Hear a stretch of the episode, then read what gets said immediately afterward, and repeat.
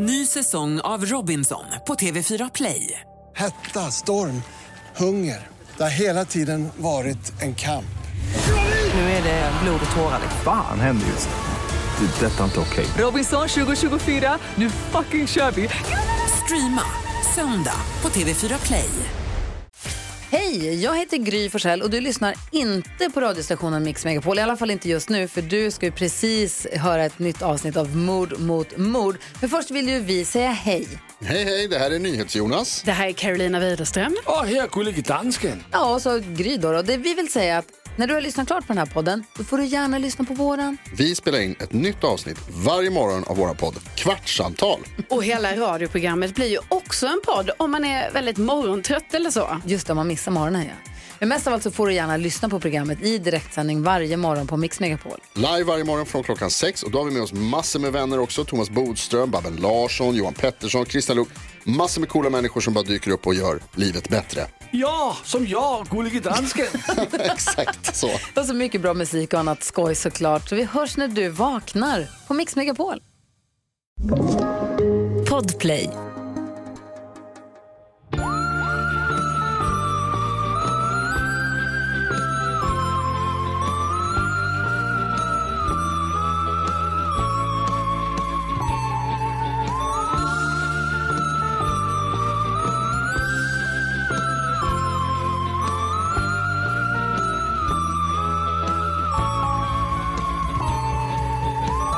Jag har tappat en parfym, så här parfymprov, i min Podmix-väska. Så att, nej, alltså det, så att det luktar jättegott. Ja, det var en bra grej. Det är en bra grej. Gud vad fan. Vi kanske ska börja sälja.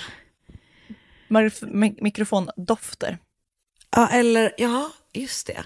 Jag tänkte att vi skulle börja sälja alltså, mikrofoner som doftar. Men det känns ju onekligen som det skulle vara en lättare grej. Ja, vi behöver inte investera lika mycket om vi bara säljer själva dofterna. Exakt. Ja. Vi kommer inte ens behöva podda längre. Nej. Men tills vi har gjort det, Så tills vi har satt igång våra hej, nya, hej, hej. så säger vi hej och välkomna till den här podden. Åh, gud. Ja, nu är vi inne på, det här är vårt sista specialavsnitt va? Jag tror det, va? Ja, jag litar på tror dig i det här. Ja, ja men jag, nej, det, jag, jag säger att jag tror det för att jag inte, jag inte litar på mig. Det gör man aldrig. Men jag litar på dig till Nej. 100 procent. Ja men bra, för att jag är rätt säker på att det är det. Och att nästa vecka redan är vi tillbaka med ett, eh, ett liksom vanligt avsnitt. Börjar vi släppa varje vecka då också? Ja, det gör vi. Så nästa Men vecka den- är vi alltså, tillbaka som vanligt, helt och hållet. Exakt, precis. underbart. Men förinspelat, lite grann. Det är det ju. Eh, så, eller det är det ju alltid, det är ju aldrig live. Inte än. Jo, ibland är det det. Har det varit i alla fall. Längtar. Det var tills vi mysigt. kan vara- Tills vi kan vara live and direct igen. Verkligen. Men så att om vi fortsätter prata om värmeböljan och det typ regnar så är det för att det här spelas in i mitten på juli. Just det. Och Det är inte för att vi är absurda personer, det är så jävla varmt. Mm. En liten spaning. Liten, liten spaning. Och Ja. ett väldigt intensivt fästingår verkar det som. Där ser man. Har du fått några? Jag har hittat två på mig själv som har krypit och en på Sigrid. Vart då på Sigrid? På hennes lilla rygg och på Jag mig på hoppas att jag benen. skällde ut den. Mm, det gjorde jag. Jag spolade ner den i kranen. Ah, bra, medan du hånade den. Take Ha, that! ha, ha, ha. Take that! Du kan inte simma. Da, da, da, da. Så bra kränkt i en fästing. Ja, Det värsta är nej, att han hade men- kunnat säga tillbaka kaka om han bara visste, som jag också är en poor swimmer. Jag tycker det är gulligt. ja, det är ju faktiskt ganska deppigt. Men eh, jag har faktiskt inte badat Men- än, för det är lite alger här ute på landet där jag befinner mig just nu. Va, har du inte badat alls? Ehm, är det en kuggfråga? Alltså jag vill, Jag jag vill att du ska vara ärlig med mig men typ också inte. Nej men jag har inte badat här ute. Jag har däremot badat i Kivik där det är betydligt mycket kallare. Men man kan ju inte bada när det är algblomning för det är farligt. Hmm. Det är Tror giftigt. du bara att man inte fick äta musslor Nej, när det var algblomning? Det är giftigt också. Okej. Men det är väl att man typ inte ska dricka vattnet. Jag vet inte. Jag, jag, har, jag har inte badat än. Kanske sen. Håll dig på land. Jag håller mig på land. Ja, bra. Men eh, jag badade till exempel tre gånger bara igår. Eh, min mamma är här och det var typ att jag igår på dagen alltså, liksom nästan typ ringde och alltså nära, nära tårar. Var var ni och badade då? Ja men igår var jag då i, på tre olika ställen. Trekanten, Ulvsjön och sen på natten så bara åkte jag och Markus till Bromma och badade. Mysigt. Så du åkte inte till något av mina badtips? Nej, jag gjorde inte det. Nej, jag visste det. Men, men förlåt. jag förstår att det var o, ohyfsat. Lite. Mm. Men du är ju ingen... eh, Alltså, jag ser ju dig som en väldigt trovärdig Stockholmskälla. Ja, det är jag ju. Och jag frågar ju ofta dig, som min guide till Stockholm, eh, om olika saker. Men, Men jag har ju bad. badat när jag var liten. Det här är ju något senare påfund. Jag är uppväxt med, vi åkte till Fågelö udde varje kväll när jag var liten. På somrarna. Eller innan, innan vi hade åkt på sommarlov. vad mysigt. Mm. Och ett varje- kvällstopp med familjen. Mm, det är väldigt mysigt. Min mamma älskar ju att bada. varje kväll. Säg att det var varje kväll. Det var varje kväll. Och när vi bodde hos pappa så åt vi glass på Lejonet och björnen i Tessinparken varje kväll.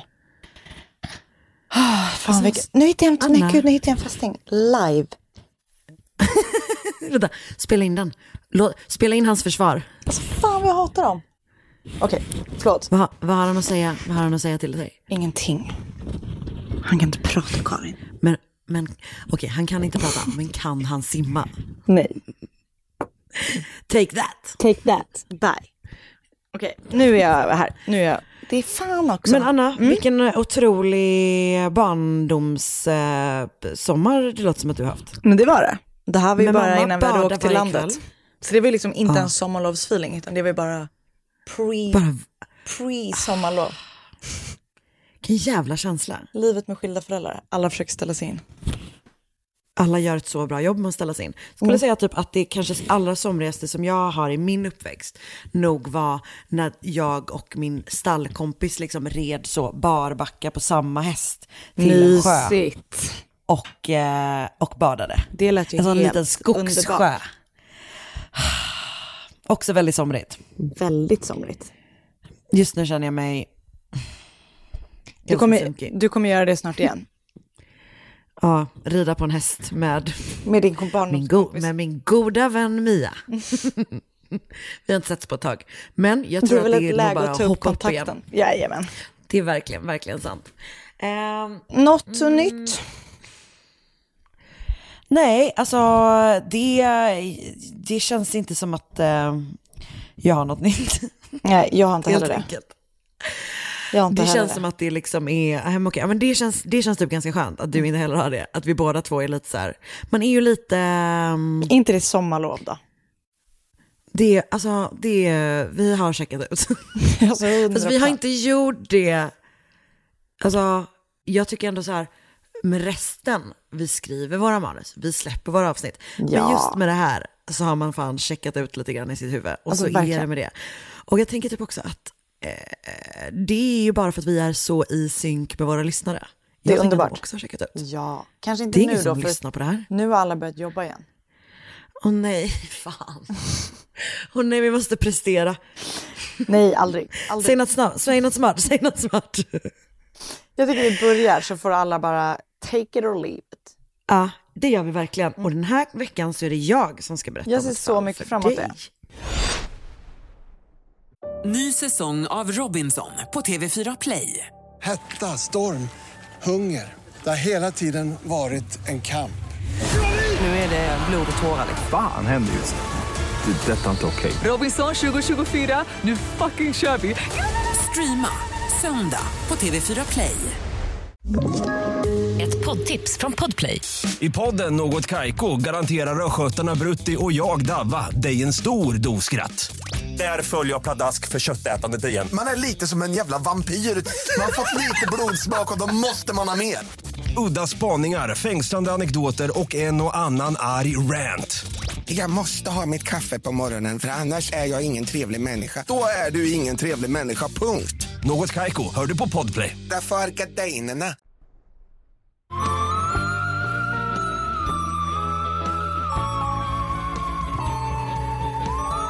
Kvällen den 20 november 1988 är Anitra Washington på väg till en kompis i South Central Los Angeles, USA.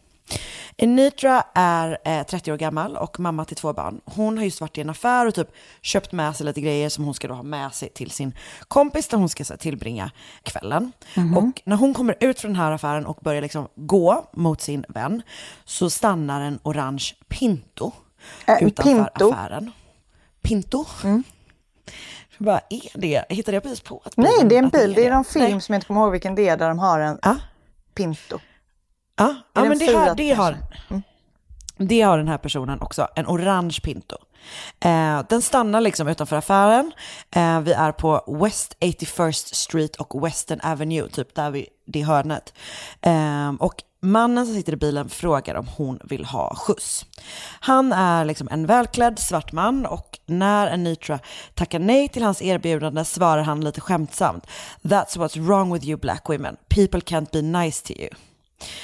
Och Anitra känner då så här ett sting av det där, jag tror typ att man, man kan typ känna igen den här känslan. Hon får liksom en så här sting av ett dåligt samvete som du vet så här, när typ ens magkänsla säger till en, jag vill inte vara i den här situationen, men när man typ agerar på den Så får man dåligt samvete. Typ, ja, för att man typ känner sig lite otrevlig. Ja, det var som när Eh, jag... och det är ja. Mm. fan vad hemskt det är. Va? Berätta, när du? Nej, men när det var en man på restaurang som var typ jättefull, så när personalen frågade om han var störde oss så sa jag nej flera gånger. Och när jag till slut sen sa ja, så körde de hon- honom därifrån. Och då fick jag, alltså, jag tänker fortfarande på honom. För jag har så dåligt samvete, jag förstörde hela hans kväll för att han blev hemskickad från restaurangen. Han förstörde sin kväll. Ja. Men jag förstår precis den här känslan. Nej, men det, är, men det är ju exakt den känslan. Och den känslan att ehm, den kan liksom manipuleras. Och det är typ exakt vad som händer för Anitra. Hon känner så här, usch, typ nu, jag var nog liksom otrevlig mot honom och typ hon får lite dåligt samvete. Ehm, han är liksom, ehm, hon tänker så här, hon bara, han är typ kortare än mig, han är typ trevlig, alltså han har liksom en skämtsam ton, de har typ lite så banter och han är typ välklädd. Alltså hon, han, han känns inte hotfull. Så att hon är till slut så hon bara, men okej då, du får, du får köra mig typ. Ehm, och hon hoppar in då i hans bil och snart märker hon att han typ kör en konstig väg. Mm. Och den, hennes kompis bor liksom nära, men han typ, ja men hon reagerar på hur, vilka vägval han gör typ. Så hon frågar honom, så hon bara, var är du på väg nu? Och han säger då att han måste hämta en grej hos sin eh, uncle som bor runt hörnet. Och sen ska han köra henne till hennes kompis. Så han stannar utanför ett hus, hus på West 81st Street och går ur bilen. Och hon sitter kvar.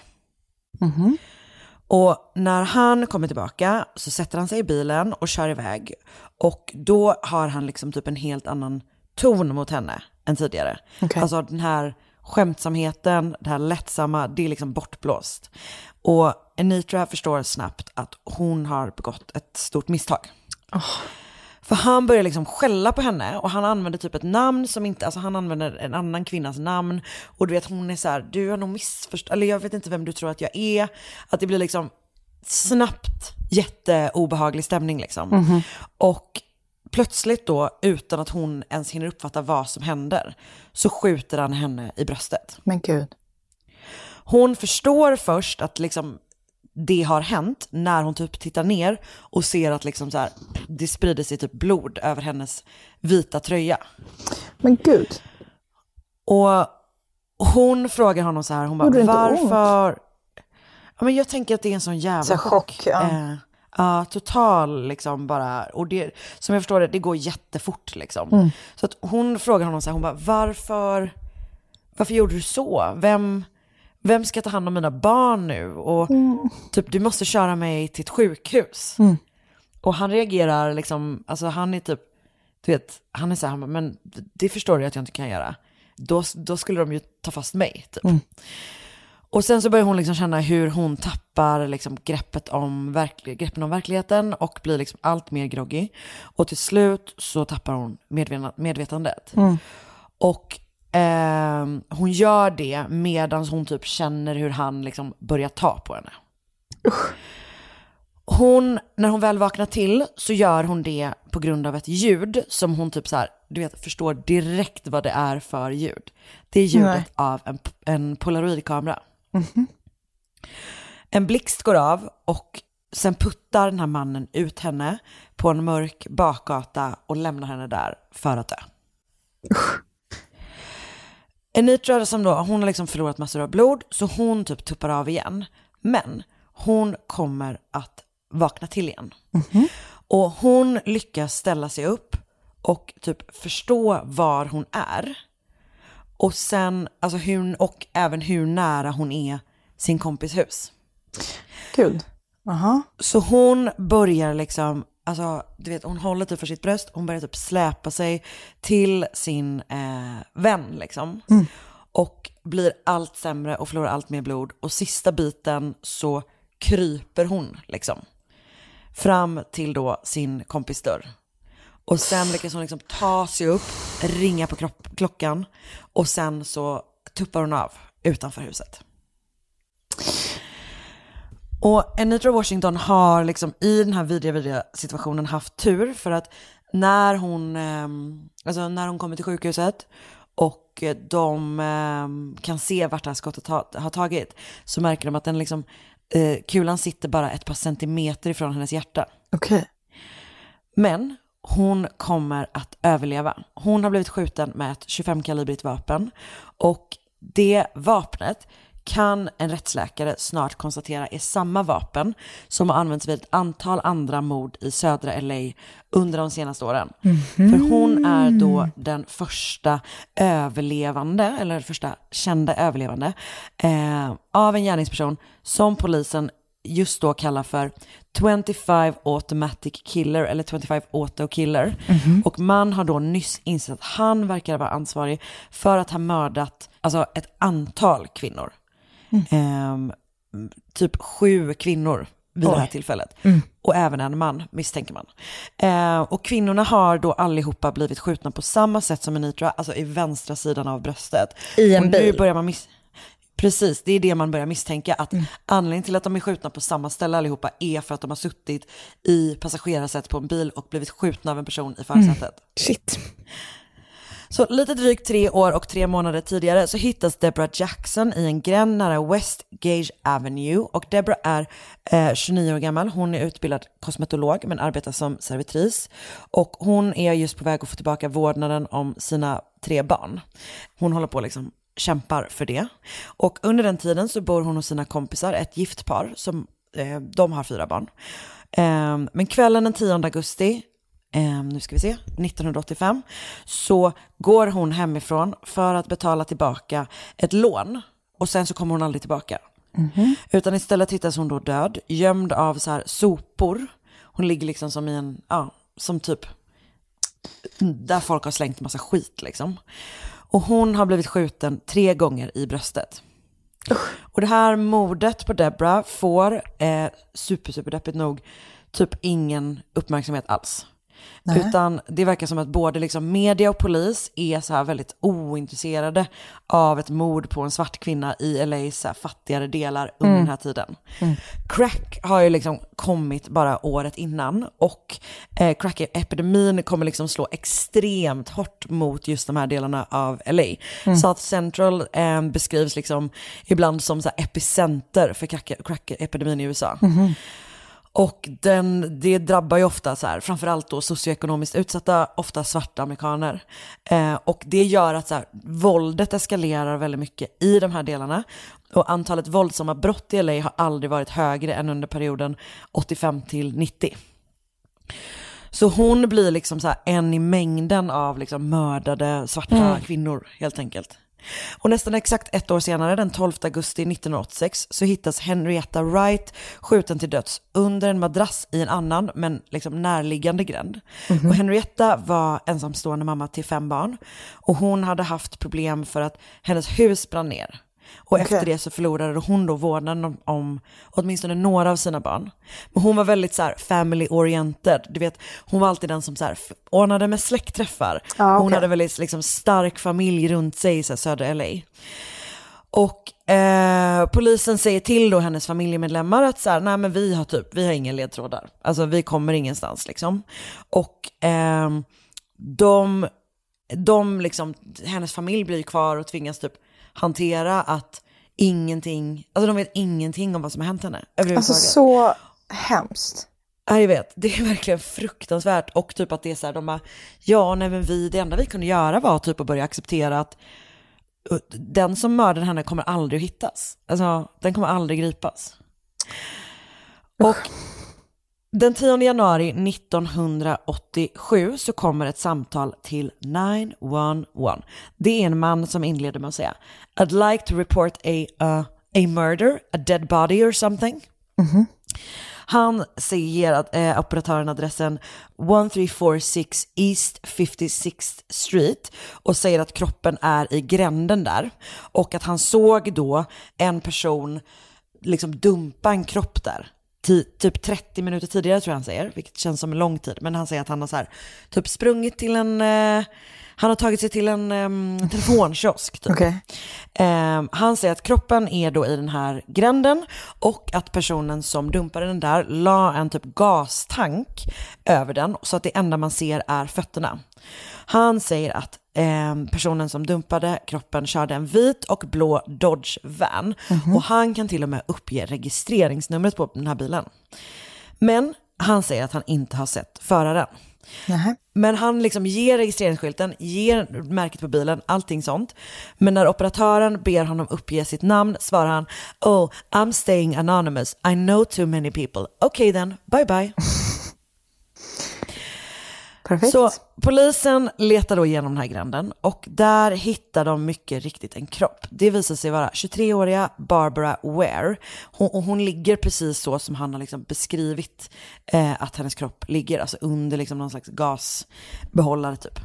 Hon är också skjuten till döds. Barbara har en fyraårigt, eh, liksom ett fyraårigt barn och var väldigt nära sin familj, framförallt sin pappa. Social, utåtgående och hon pluggar till vårdbiträde. Och de hittar, polisen hittar liksom en väldigt tydlig DNA-profil på henne och de lyckas också spåra den här bilen som vittnet har sett. Okej. Den visar sig vara registrerad på en kyrka. Och de åker åt den här kyrkan på liksom så fort de kan. Och eh, de, den här bilen, motorn är fortfarande varm. Så den har använts liksom ganska, eller nyss typ. Men eh, det är också typ att de har så här, nycklarna har hängt framme i kyrkan och det går inte att typ koppla Nej. den till någon som är där. Ehm, och dessutom finns det inga tecken, alltså ingenting i bilen tyder på att Barbaras kropp har varit där. Alltså, eller att den har använts för att liksom, Nej, okej. transportera en kropp. Så det går liksom inte att, det tar stopp där helt enkelt. Så istället börjar då polisen misstänka att det här larmsamtalet kom från mördaren själv. Och en stor anledning till det är för att det, de tycker typ att det är för mörkt i gränden för att den ska kunna se registreringsskylten. Ja, också typ så här, ja, att man ser så, kan beskriva så precis typ. Ja, ja, och har liksom verkligen hela registreringsnumret och du vet alltihopa. Och eh, kroppen är ändå så pass gömd att när polisen, polisen typ måste gå igenom gränden två gånger för att hitta Barbara. Så det är inte det liksom att det är så här eh, öppet typ. Utan, utan det är jättemörkt och hon har legat väldigt dolt. Och ändå har den här personen kunnat se så, alltså kunnat vara ett så bra vittne liksom. Men tyvärr så kommer de inte vidare därifrån. Så under 1987 så fortsätter då svarta kvinnor i södra LA att försvinna. Det är 26 år gamla Benita Sparks. Hon säger till sin mamma att hon ska köpa cigaretter och sen kommer hon aldrig tillbaka. Istället hittas hon död den eh, 15 april. Mary Lowe är också 26 år gammal. Hon försvinner på väg till en halloweenfest hos en kompis den 1 november 87. LaCria Jefferson är 26, 22 år gammal när hon hittas död den 30 januari 1988 och Alicia Monique Alexander, hon är 18 när hon frågar sin pappa om han behöver någonting från The Liquor Store innan hon liksom lämnar deras gemensamma hus den 11 september 88 och aldrig mer kommer tillbaka.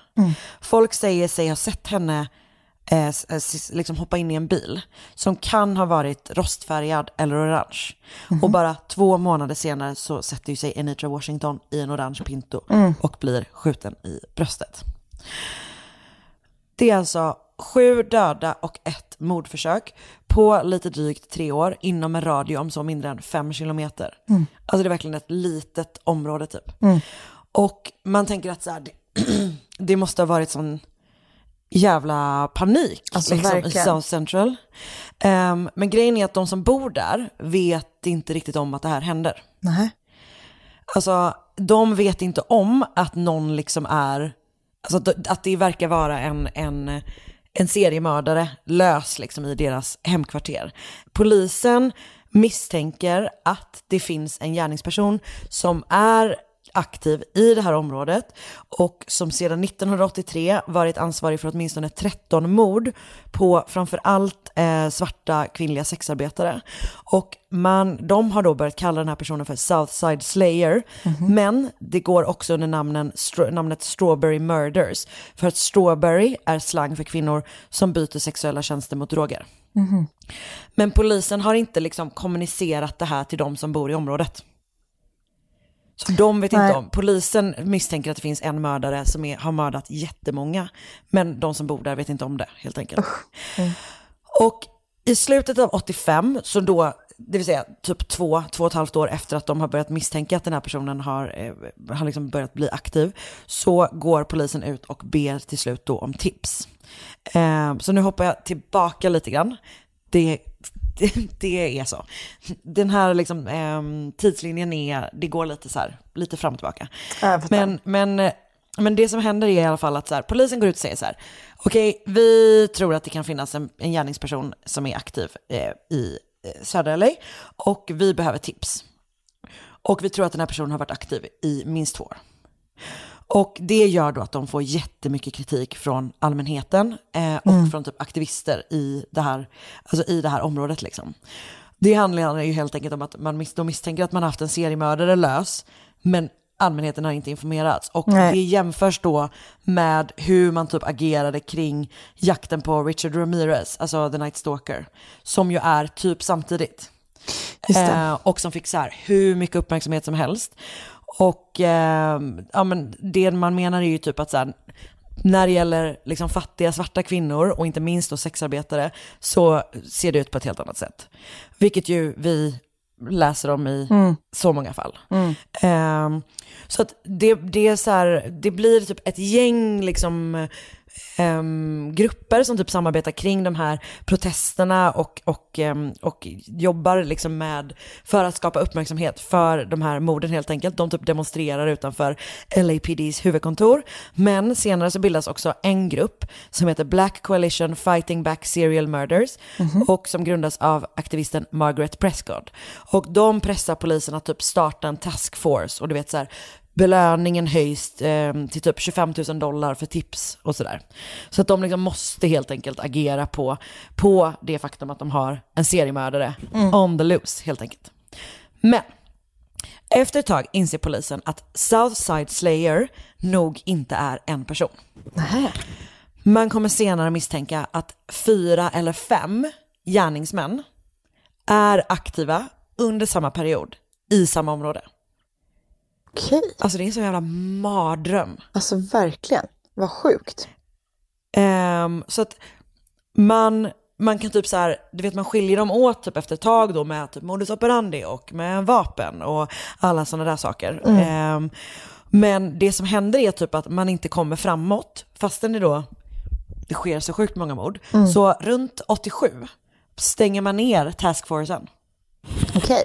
Och det gör man då trots då att man åtminstone snart, liksom, eller att man har börjat binda ihop de här morden som sker med det här 25-kalibriga vapnet.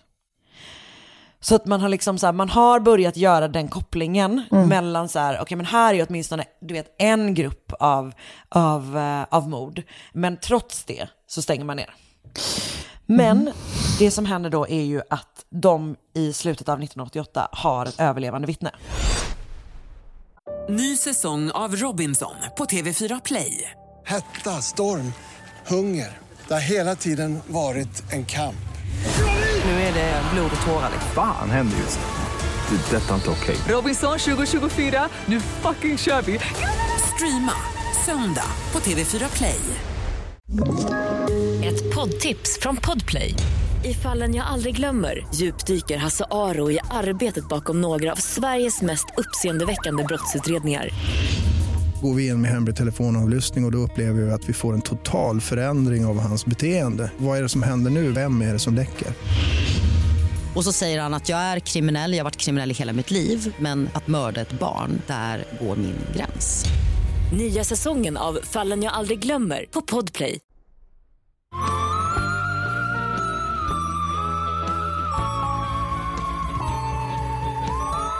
Anitra Washington har överlevt sin attack och de börjar intervjua henne typ så fort hon har vaknat på sjukhuset. Och hon beskriver sin gärningsman som en svart man i 30-årsåldern med kort eh, hår och hon säger att han kändes eh, liksom preppy, hon uppfattade honom som trevlig Mm. och ofarlig. Men han lyckades ju också då liksom manipulera henne till eh, att få dåligt samvete när Alltså, hon tackade nej till att få skjuts. Ja, jag vet. Jag vet. Att han liksom fattar att så här, det här är ett smart sätt Mm. att få med någon i bilen. Mm. Nej, och det är ju uppenbarligen en person som har fått med sig så många Ja, kvinnor nej, verkligen. i sin bil. Han vet hur man ska Ehm, göra. Ja, exakt. Och hon får då träffa en liksom sån, du vet, gärningsmannatecknare. Mm. Men det finns typ ingenting, alltså, det finns inget utstickande med den här personen. Nej. Ingenting i fantombilden är liksom eh, särskilt markant. Han ser typ ut som alla och ingen. Alltså han har inga speciella drag liksom. Och, men det som är ju att han eh, stannade ju vid ett hus och gick och hämtade något. Just det. Mm.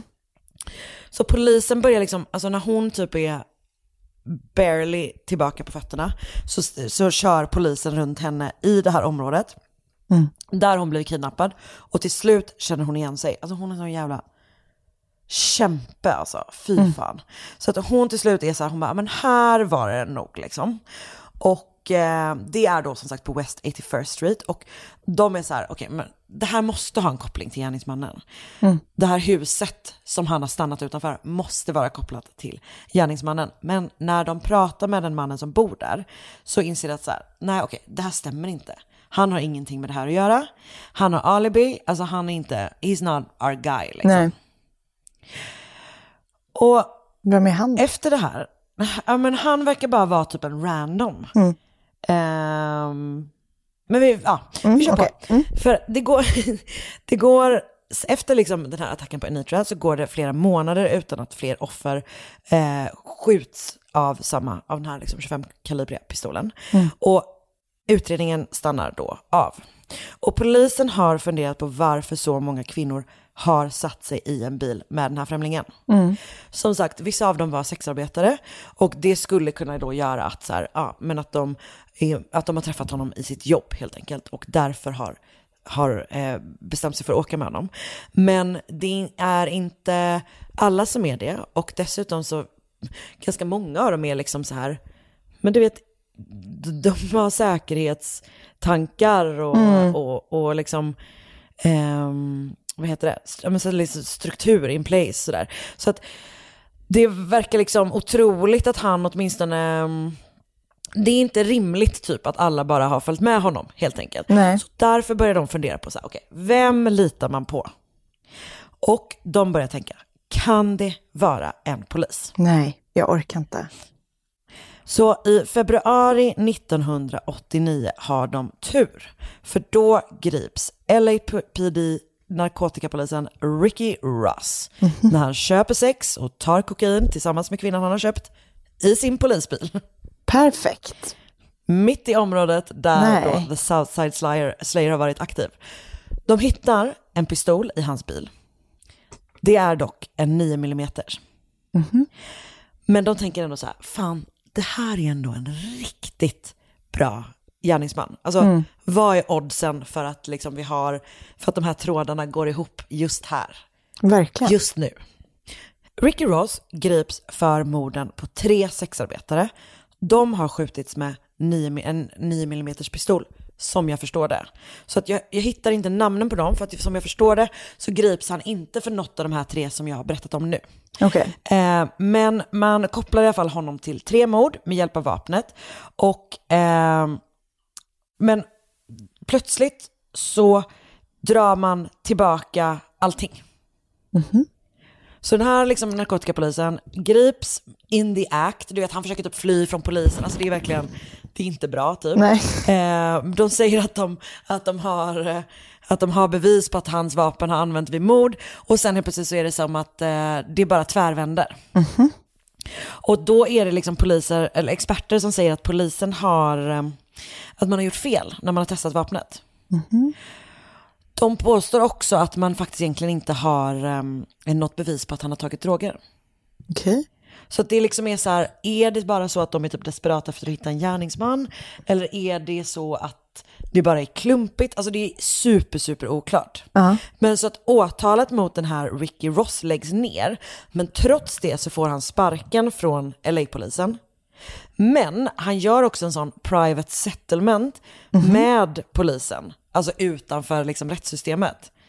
Vilket ju potentiellt då skulle kunna tyda på att polisen har gjort något knas under den här, Alltså, ja. liksom, ja sådär.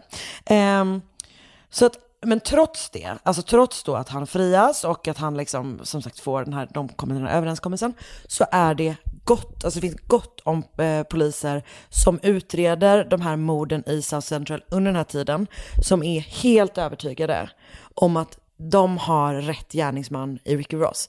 De har bara inte kunnat bevisa det. Och det, den liksom teorin förstärks bara efter, av att man, efter att han har gripits, så hittar man inga fler sexarbetare skjutna med samma vapen. Nej. Jag tror att det kanske snarare beror på att mördaren misslyckades med mordet på Anitra och insåg att han var nära att åka fast. Så du tror inte alls att det är den här... äh, Nej, Okej. det tror jag inte. Ehm, Men vet du om- någonting som inte vi vet? Eller som får lyssna jag vet, ja, jag, jag vet saker, ni kan, ni kan ändå lita på mig. Okej, bra. Ehm, om den här personen bytte modus operandi eller slutade döda, det vet man inte. Men den allmänna bilden har liksom länge varit att det sistnämnda, alltså att den här personen slutade döda, är det som stämmer. Och det är också anledningen till varför han typ 20 år efter attacken på Enitra får det smeknamn då som de flesta känner igen honom som idag. Som är The Grim Sleeper. Och Enitra tror förresten att hon eh, har träffat på sin gärningsman igen efteråt. För att lite drygt ett år efter eh, eh, hennes attack så, är, så stannar en man henne på gatan och frågar om hon, så hon, han bara, do you recognize me typ? Och hon, har ing, alltså hon känner inte igen honom överhuvudtaget. Och då typ bara ler han mot henne och går vidare. Och först när han liksom har gått därifrån så är det bara som att du vet så här, nackhåren ställer sig upp på henne. Men så sluta. det var han. Eh, det var han som försökte döda henne. The Grim Sleeper försvinner från LAs gator. 80-tal blir 90-tal. Hela 90-talet passerar. Sen blir det 2000-tal. 2001 bestämmer sig LAPD för att på bred front börja använda sig av DNA, DNA-teknik för att hitta på gamla cold cases. Alltså det måste varit Så ändå sjukt spännande. en sån jävla tid. När de bara, vi har den här nya tekniken. Är det Eh, för nu kan vi eh, liksom, ballt? Ja, det måste verkligen varit en, eh, ja, starkt. Och de har ju massor av fall. Och de har massor av tester att testa. Och nu kan de liksom börja göra det för att få nya resultat och förhoppningsvis lösa lite mord.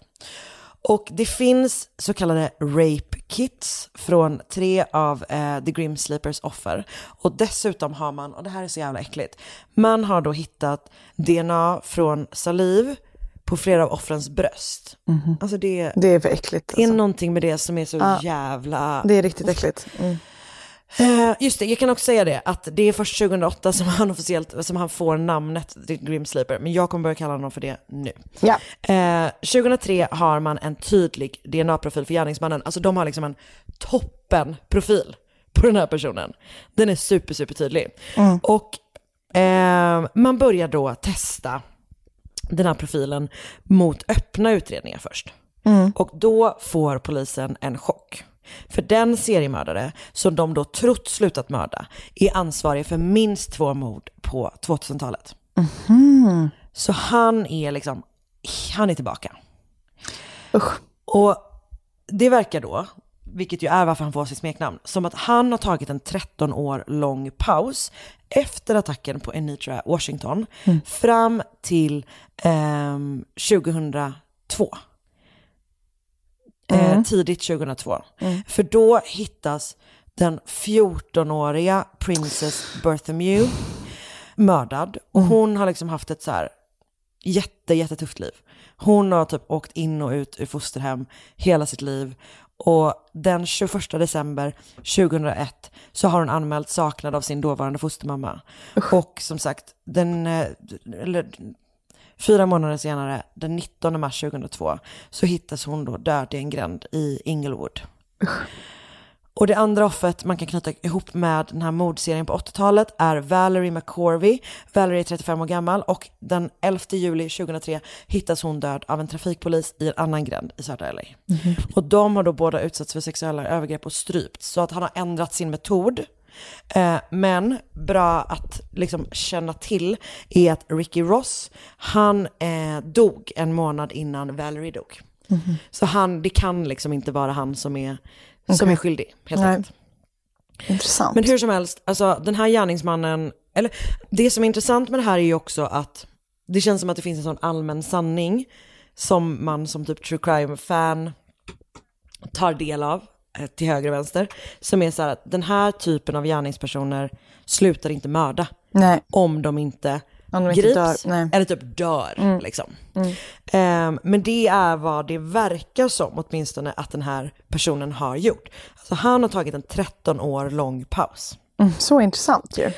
Och sen går det flera år igen innan man kan typ koppla den här personen, eh, eller den här personen till ett brott. För hans nästa offer är Janisha Peters som hittas död den 1 januari 2007.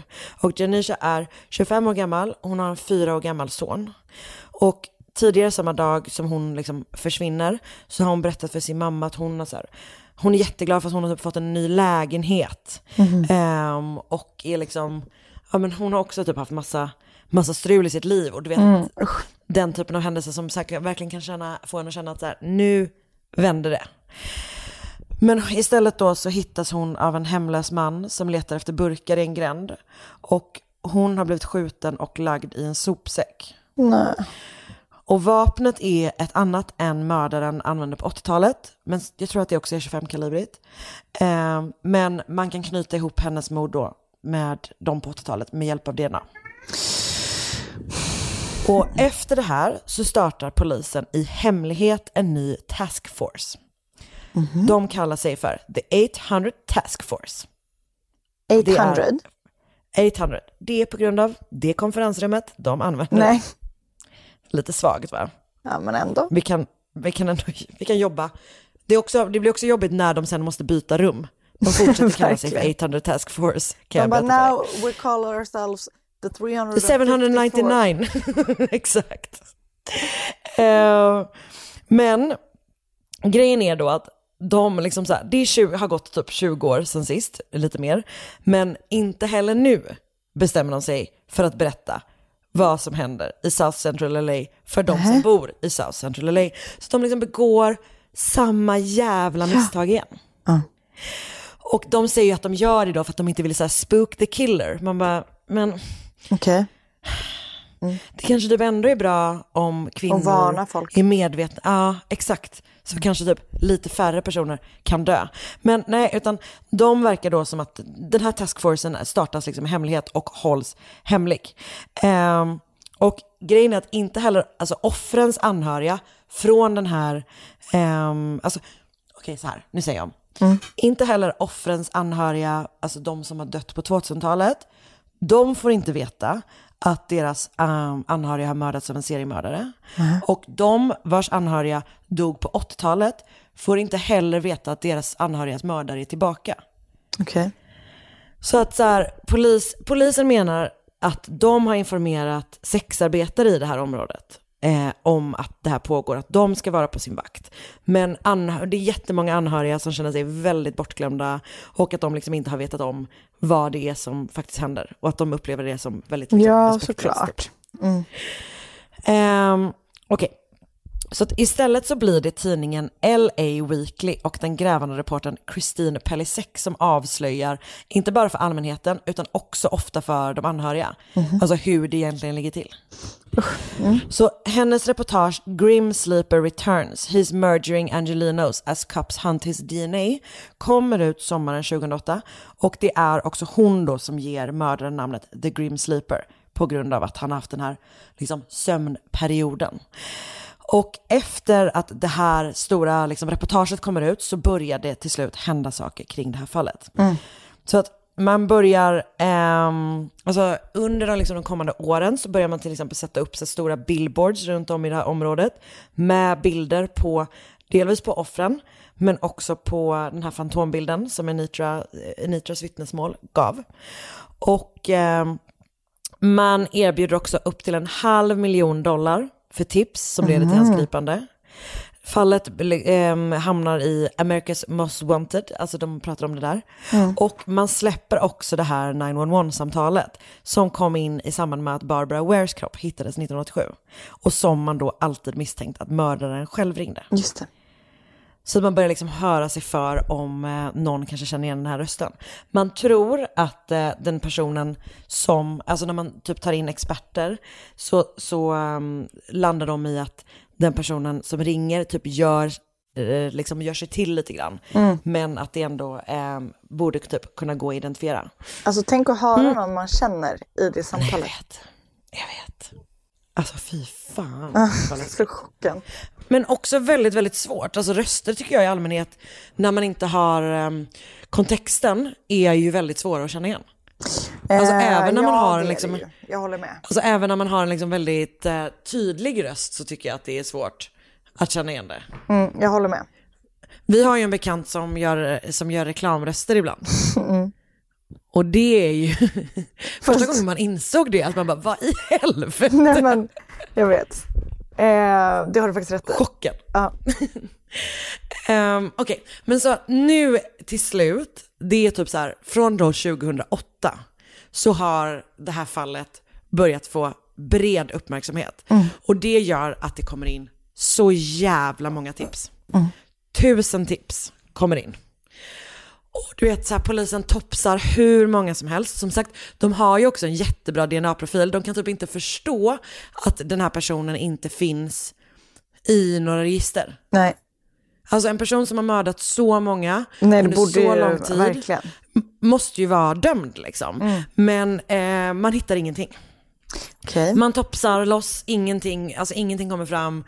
Ehm, och polisen börjar fundera på om inte en, eh, liksom, en ny sorts teknik skulle kunna användas. Ehm, vår vän Familial DNA. Spännande. Ja, Ehm, och det är ju inte det som vi ser idag, eller som vi såg till exempel i Golden State Killer-fallet, där ju offentliga eh, DNA-register användes ehm, för att göra familje-DNA-sökningar. Utan det här är ju, handlar ju om att söka på samma sätt fast i polisens DNA-arkiv. Och ehm, det har liksom aldrig använts i Kalifornien innan. Det är superomdiskuterat om huruvida, alltså i flera stater, om huruvida man ska kunna använda det här Mm. vid den här tiden. Ehm, men det som, det finns några då inom polisen som liksom driver på det här och vill börja använda den här tekniken och menar att The Grim Sleeper-fallet är liksom det perfekta fallet för att man Mm. har en så bra DNA-teknik. Det är också ett superhögprofilerat fall. Eh, det borde gå att lösa liksom. Mm. Så att till slut då så får man okej på att göra det här. Polisen ska för första gången få göra en familje-DNA-sökning. Tydligen är Kaliforniens DNA-register är tydligen typ det är så tredje största i världen. Mhm. Alltså det är jätte, jättestort. Vad sjukt. Det är typ så här, stor, hela, hela USA, hela Storbritannien och typ något mer är liksom det enda som är, de, de topsar loss helt enkelt. Det är. Ehm, så de, hösten 2008 gör de till slut sin familje-DNA-sökning. Mhm. De får inte en enda träff. Men gud. Så att det är så här, det, alltså det, det som är sjukt med det här fallet är hur jävla lång tid det tar. Även nu liksom. Mm. Även nu när han är tillbaka så tar allting så sjukt lång tid. Så att det enda de kan göra är att så här, de har det i bakhuvudet och sen så tänker de så här, vi testar en gång till för att det kanske har kommit in nya DNA-profiler i registret. Mm. Sommaren 2010 så gör de en ny sökning. Okej. Och då hittar de en man som har dömts för vapeninnehav Okej. och som är nära släkting till den personen som har mördat alla de här kvinnorna. Nej. De inser att det kan bara vara, alltså när de så kollar på du vet, vem som bor vad och vad de gör och så vidare, så inser de att det bara kan vara en av mannens släktingar som är The Grim Sleeper. Okej. Det är hans pappa. Nej. Hans pappa heter Lonnie David Franklin Jr. Mhm.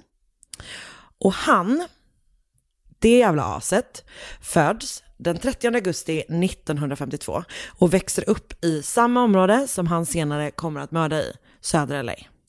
Och det finns ganska lite information om hans bakgrund, men det man vet är att han efter high school går in i mil- militären och blir sta- stationerad i Tyskland. Mm. Men därifrån så blir han, du vet sån dishonorably discharged. Ja. Man kan väl bli antingen honorably eller dishonorably. Mm. Han är definitivt det sistnämnda. Han slängs helt enkelt ut från militären 1975 efter att han tillsammans med två stycken andra militärer har våldtagit en 17-årig tjej i Stuttgart under knivhot. Och du vet, de har liksom så lurat in henne i en bil eh, och sen så har de, ja, du fattar. Jag det, blir fattar. en, det blir någon slags rättssak av det. Men ja, det verkar inte som att han typ sitter i fängelse i Tyskland eller sådär, utan det som händer är att han, han, han liksom får åka hem. Okej. Så han åker hem och inleder ett helt vanligt liv i LA. Han gifter sig, han skaffar två barn, det äktenskapet håller hela hans liv. Han har dömts, alltså det här är det han är dömd för. Två, två stölder, en gång för misdemeanor assault och en gång för misshandel. Och det är ju eh, fruktansvärt såklart, och att vara dömd överhuvudtaget, whatever. Men Mm. om man jämför med det man nu misstänker att han har gjort, så är det helt sjukt att den här personen inte har gripits mer. Nej. Alltså han har hållit sig på under radarn på ett sätt som är, ja, det är så obehagligt. Oh, Okej. Större delen av sitt liv har han arbetat som sopåkare och han har då liksom jobbat i de här gränderna där The Grim Sleepers offer har hitt- hittats. Mm. Och han är, ehm, sedan 1991 är han långtidssjukskriven från det jobbet för att han har skadat axeln i samband med jobbet. Så att han jobbar inte. Men han är liksom en helt vanlig familjeman med två barn och en fru och liksom en god relation till sina grannar mitt i South Central LA. Ehm, och hans grannar ser, känner honom som så här, han hjälper gärna till. Och han hjälper gärna till med en bil. Han är lite så kvarterets mekaniker typ. Så att om man har något strul med sin bil, då går man till Lonnie. Och han har liksom så här, ja men han, han är, he's a stand-up guy typ, alla gillar honom liksom. Ehm, absolut, han är lite av en kvinnokarl va.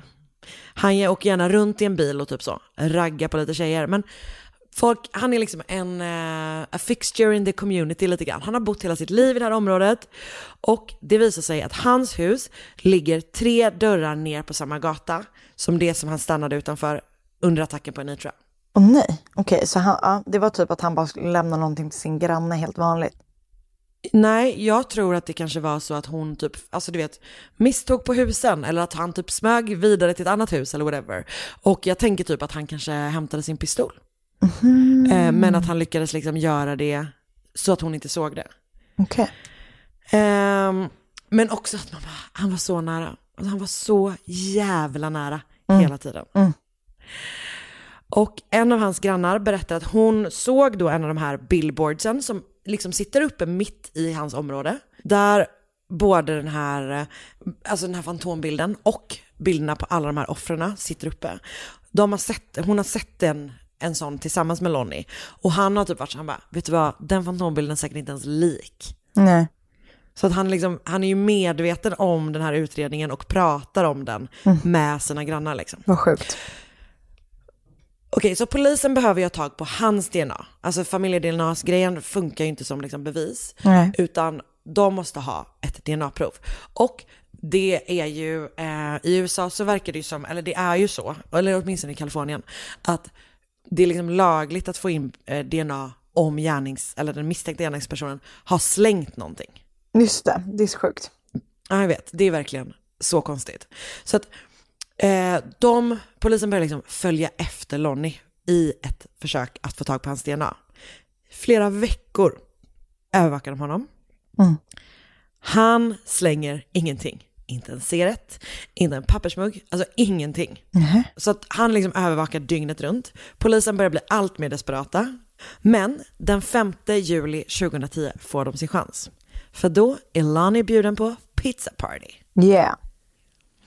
Och alltså på liksom en, en någon så snabbmatsrestaurang. Och de ser honom gå in och han sitter, alltså det finns liksom övervakningsbilder på det här. Han sitter bara typ och har en, alltså någon av hans typ kompisar fyller år. Och han sitter och typ käkar pizza där liksom. Mm. Och det de gör då är att polisen, alltså en typ snabbtänkt polis, går till den som är manager på restaurangen och bara hej, eh, får jag låna liksom uniform av er? Gå in och låtsas vara diskar. Nej. Så att han klär helt enkelt ut sig till, liksom, till typ en disksnubbe och ehm, så här kör fram till Lonnies bord och plockar med sig hans bestick, hans glas och en pizzakant som han inte ätit upp. Men gud. Så man skickar då iväg allt det här till labbet. Man får inget, ingen profil från besticken. Ingen tillräckligt stark profil från glaset. Men på den här jävla pizzakanten så får man ut en DNA-profil och sen är det klart. Polisen har hittat the green sleeper. Och så man bara, ät dina fucking kanter. Men det är väl de som är godast? Uh, jag tycker inte Lani tydligen. Nej. Han, he likes the feeling. Um, Lonnie Franklin Jr. grips då under en av de största husrannsakan i LAs historia. Han förnekar allt. Han är också ett riktigt as under sina förhör. Du vet, han konfronteras typ med bilder då på sina offer. Han är så här, men han typ garvar och liksom är så här riktigt avs, av, avvisande typ. Att de bara, eh, de bara känner igen henne, han bara, she's butt ugly. Och sånt. Alltså du vet att han liksom, Alltså, ja. Ja, panik, verkligen. Han är extremt irriterande. Så att han förnekar allting. Men, och trots då att de är så ja fast din DNA-profil är på de här kvinnorna som hittats mördade under så här lång tid, alltså du vet verkligen så, men han, han är inte med överhuvudtaget.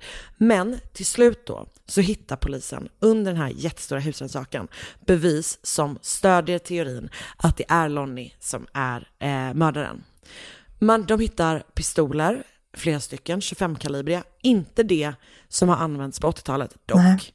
Eh, de hittar trosor från Nej. många olika kvinnor. Och sen så märker de typ att så här, en vägg i garaget typ har lagats med gips. Mhm. Och sen så tar de upp den väggen. Nej. Och där inne hittar de tusentals polaroidbilder Nej. på kvinnor och timmar av filmmaterial. Och de här kvinnorna är allt från tonåringar till medelålders. Många är typ nakna eller barbröstade åtminstone. Vissa är livlösa på bilderna. Det är svårt att liksom avgöra om de lever eller om de är eh, medvetslösa. Mm. Men en av dem som man hittar en bild på är Anitra Washington. Mm. Och hon har då på sig samma, liksom, samma topp som hon hade vid den här tiden. Eh, samma vita topp som är liksom blodfläckad på bröstet. Vad sjukt. Och många av de här kvinnorna är oidentifierade. Man vet inte, och man vet ju inte heller om det är så här, lever de? Är de, eh, alltså, är det, är det kvinnor han har känt? Alltså man Mm. vet ju ingenting liksom. Så att polisen släpper en del bilder till allmänheten för att försöka ta reda på vilka de är. Och börjar ju liksom få så här, ja men, massa olika besked från massa olika håll. Ehm, men baserat på det man vet nu och den informationen man har fått från de här bilderna så tror polisen att Lonnie Franklin Jr. har mördat mellan 15 och 30 kvinnor. Shit. Han har också mördat en man som är mitt under den här 80-tals Just det. spreen liksom. Och det misstänker, misstänker man att han har gjort för typ att han var på väg att bli avslöjad eller typ att han kände någon av offren eller sådär. Mm. Han kommer då att åtalas för tio av de här morden. Eh, det är de jag nämnt tidigare och då den här attacken på Anitra Washington. Han döms 2016 till döden. Men han kommer aldrig hinna avrättas utan den 28 mars 2020 hittas Lonnie Franklin Jr död i sin cell på Death Row i St. Quentin-fängelset. Mhm. Och vad jag kan hit- hitta så har man aldrig, alltså dödsorsaken har aldrig avslöjats. Okej. Men det verkar som, eller det man säger är typ att han verkar ha dött naturlig, av naturliga orsaker. Han har liksom, han, det är inte det att hans kropp har typ utsatts för en massa våld eller så. Nej, okej. Polisen har då teorier om att Lonnie kan ha mördats så tidigt som på 70-talet. Man misstänker också att hans liksom, smeknamn kanske typ inte är rätt, utan att man tror att han har mördat under även de här 13 åren som man tidigare har misstänkt att han inte gjorde det. Mm, fast på ett Utan, annat sätt typ. Ja, exakt. Att man bara inte har lyckats koppla honom till några, till några fall då liksom. Under hans rättegång så presenterar man bevis på ytterligare fyra mord. Alltså inte som, eh, eh, han är inte åtalad för dem, utan jag tror att de bara används som liksom för att stötta fallet typ, eller vad man ska säga. Ehm, och ett av dem, mordet på Georgia May Thomas, skedde år 2000, vilket alltså då är under den här pausen typ. Och av de ungefär tusen bilderna som hittades bakom den här gipsväggen i garaget under husrannsakan så släppte polisen 180 bilder på kvinnor som de inte hade kunnat identifiera. Och 2016 så var 35 av dem fortfarande Mhm. o- oidentifierade. Shit. Så det var Vad sjukt. The Grim Sleeper. Väldigt läskigt. Alltså Ja, det så är- lång period, det är helt otroligt. Men det är ju också någonting med, för han var verkligen, du vet den här, den här mardrömsbilden av den vanliga, Mm. den vanliga grannen, alltså Mm. den vanliga familjemannen, pappan som liksom under så lång tid, och du vet tagit tusen bilder. Det är så äckligt och det är så läskigt att de är inne i gipsade tycker jag, bilderna. Jag vet. Och jag tänker, jag antar typ att när man är, alltså that type of deranged, bara vetskapen om att de typ, det materialet finns Jag skulle där precis säga det, det himla- måste vara en laddning i sig att... Eh, Ja. mm. Usch. Äckligt. Och Väldigt. jag har då, det finns ju typ numera en hel del om det här fallet, så att om man vill liksom förkovra sig, ett vidrigt ord, så finns det liksom gott om dokumentärer och poddar och sådär. Och jag har då sett dokumentärerna The Face of Evil, The Grim Sleeper, och People Magazine Investigates The Grim Sleeper. Båda de två finns på, vad heter det, Discovery Plus. Mm. Eh, jag har också då läst Christine Pelliseks artikel för LA Weekly som jag nämnde tidigare. Men också en long read för ehm, Time av Terry McCarthy. Den har rubriken The Case of the Grim Sleeper. Två LA Times-artiklar. En från 85 av Ron Harris med rubriken Pickets pro protest police handling of prostitutes deaths. Man bara, that's part of the problem. Att du precis pratade om det så. Eh, och en från 2016 av Stephen, C- Steven Caesar som har rubriken LAPD, eh, LAPD believes Grim Sleeper, Grim Sleeper serial killer never actually slept. Sen har jag också läst Brittany Daniel för Ebony, The Grim Sleeper and the Invisibility of Black Female Victims och sen har jag sett Southern California Public Radios tidslinje för fallet och även varit en hel del på Wikipedia. Härligt. Du, tack snälla. Och Det är, tack nu för du, att... det är nu eh, du säger så här, du bara, vi har redan gjort det här fallet. Nej, det har vi inte. Nej, visst har vi inte det. Nej. Bra. Nej, men jag kände att det, det här är ju ett av, eller har väl typ blivit liksom på senare tid, ett av de här klassiska amerikanska California seriemördarfallen typ. Eh, Så Mm. jag kände att det var, det var dags att ta en sån. Väldigt Och det spännande. känns som att det är de här avsnitten, när vi bara gör ett fall, som man kan göra de här liksom, djupdykningarna. Mm, det är bra. Det är härligt. Tack snälla för det. Tack snälla ska du ha för att du orkade lyssna på mig när jag babblade på. Det är underbart. Och tack alla som lyssnade. Och nästa vecka som sagt så kör vi som vanligt. Det ska bli jättekul.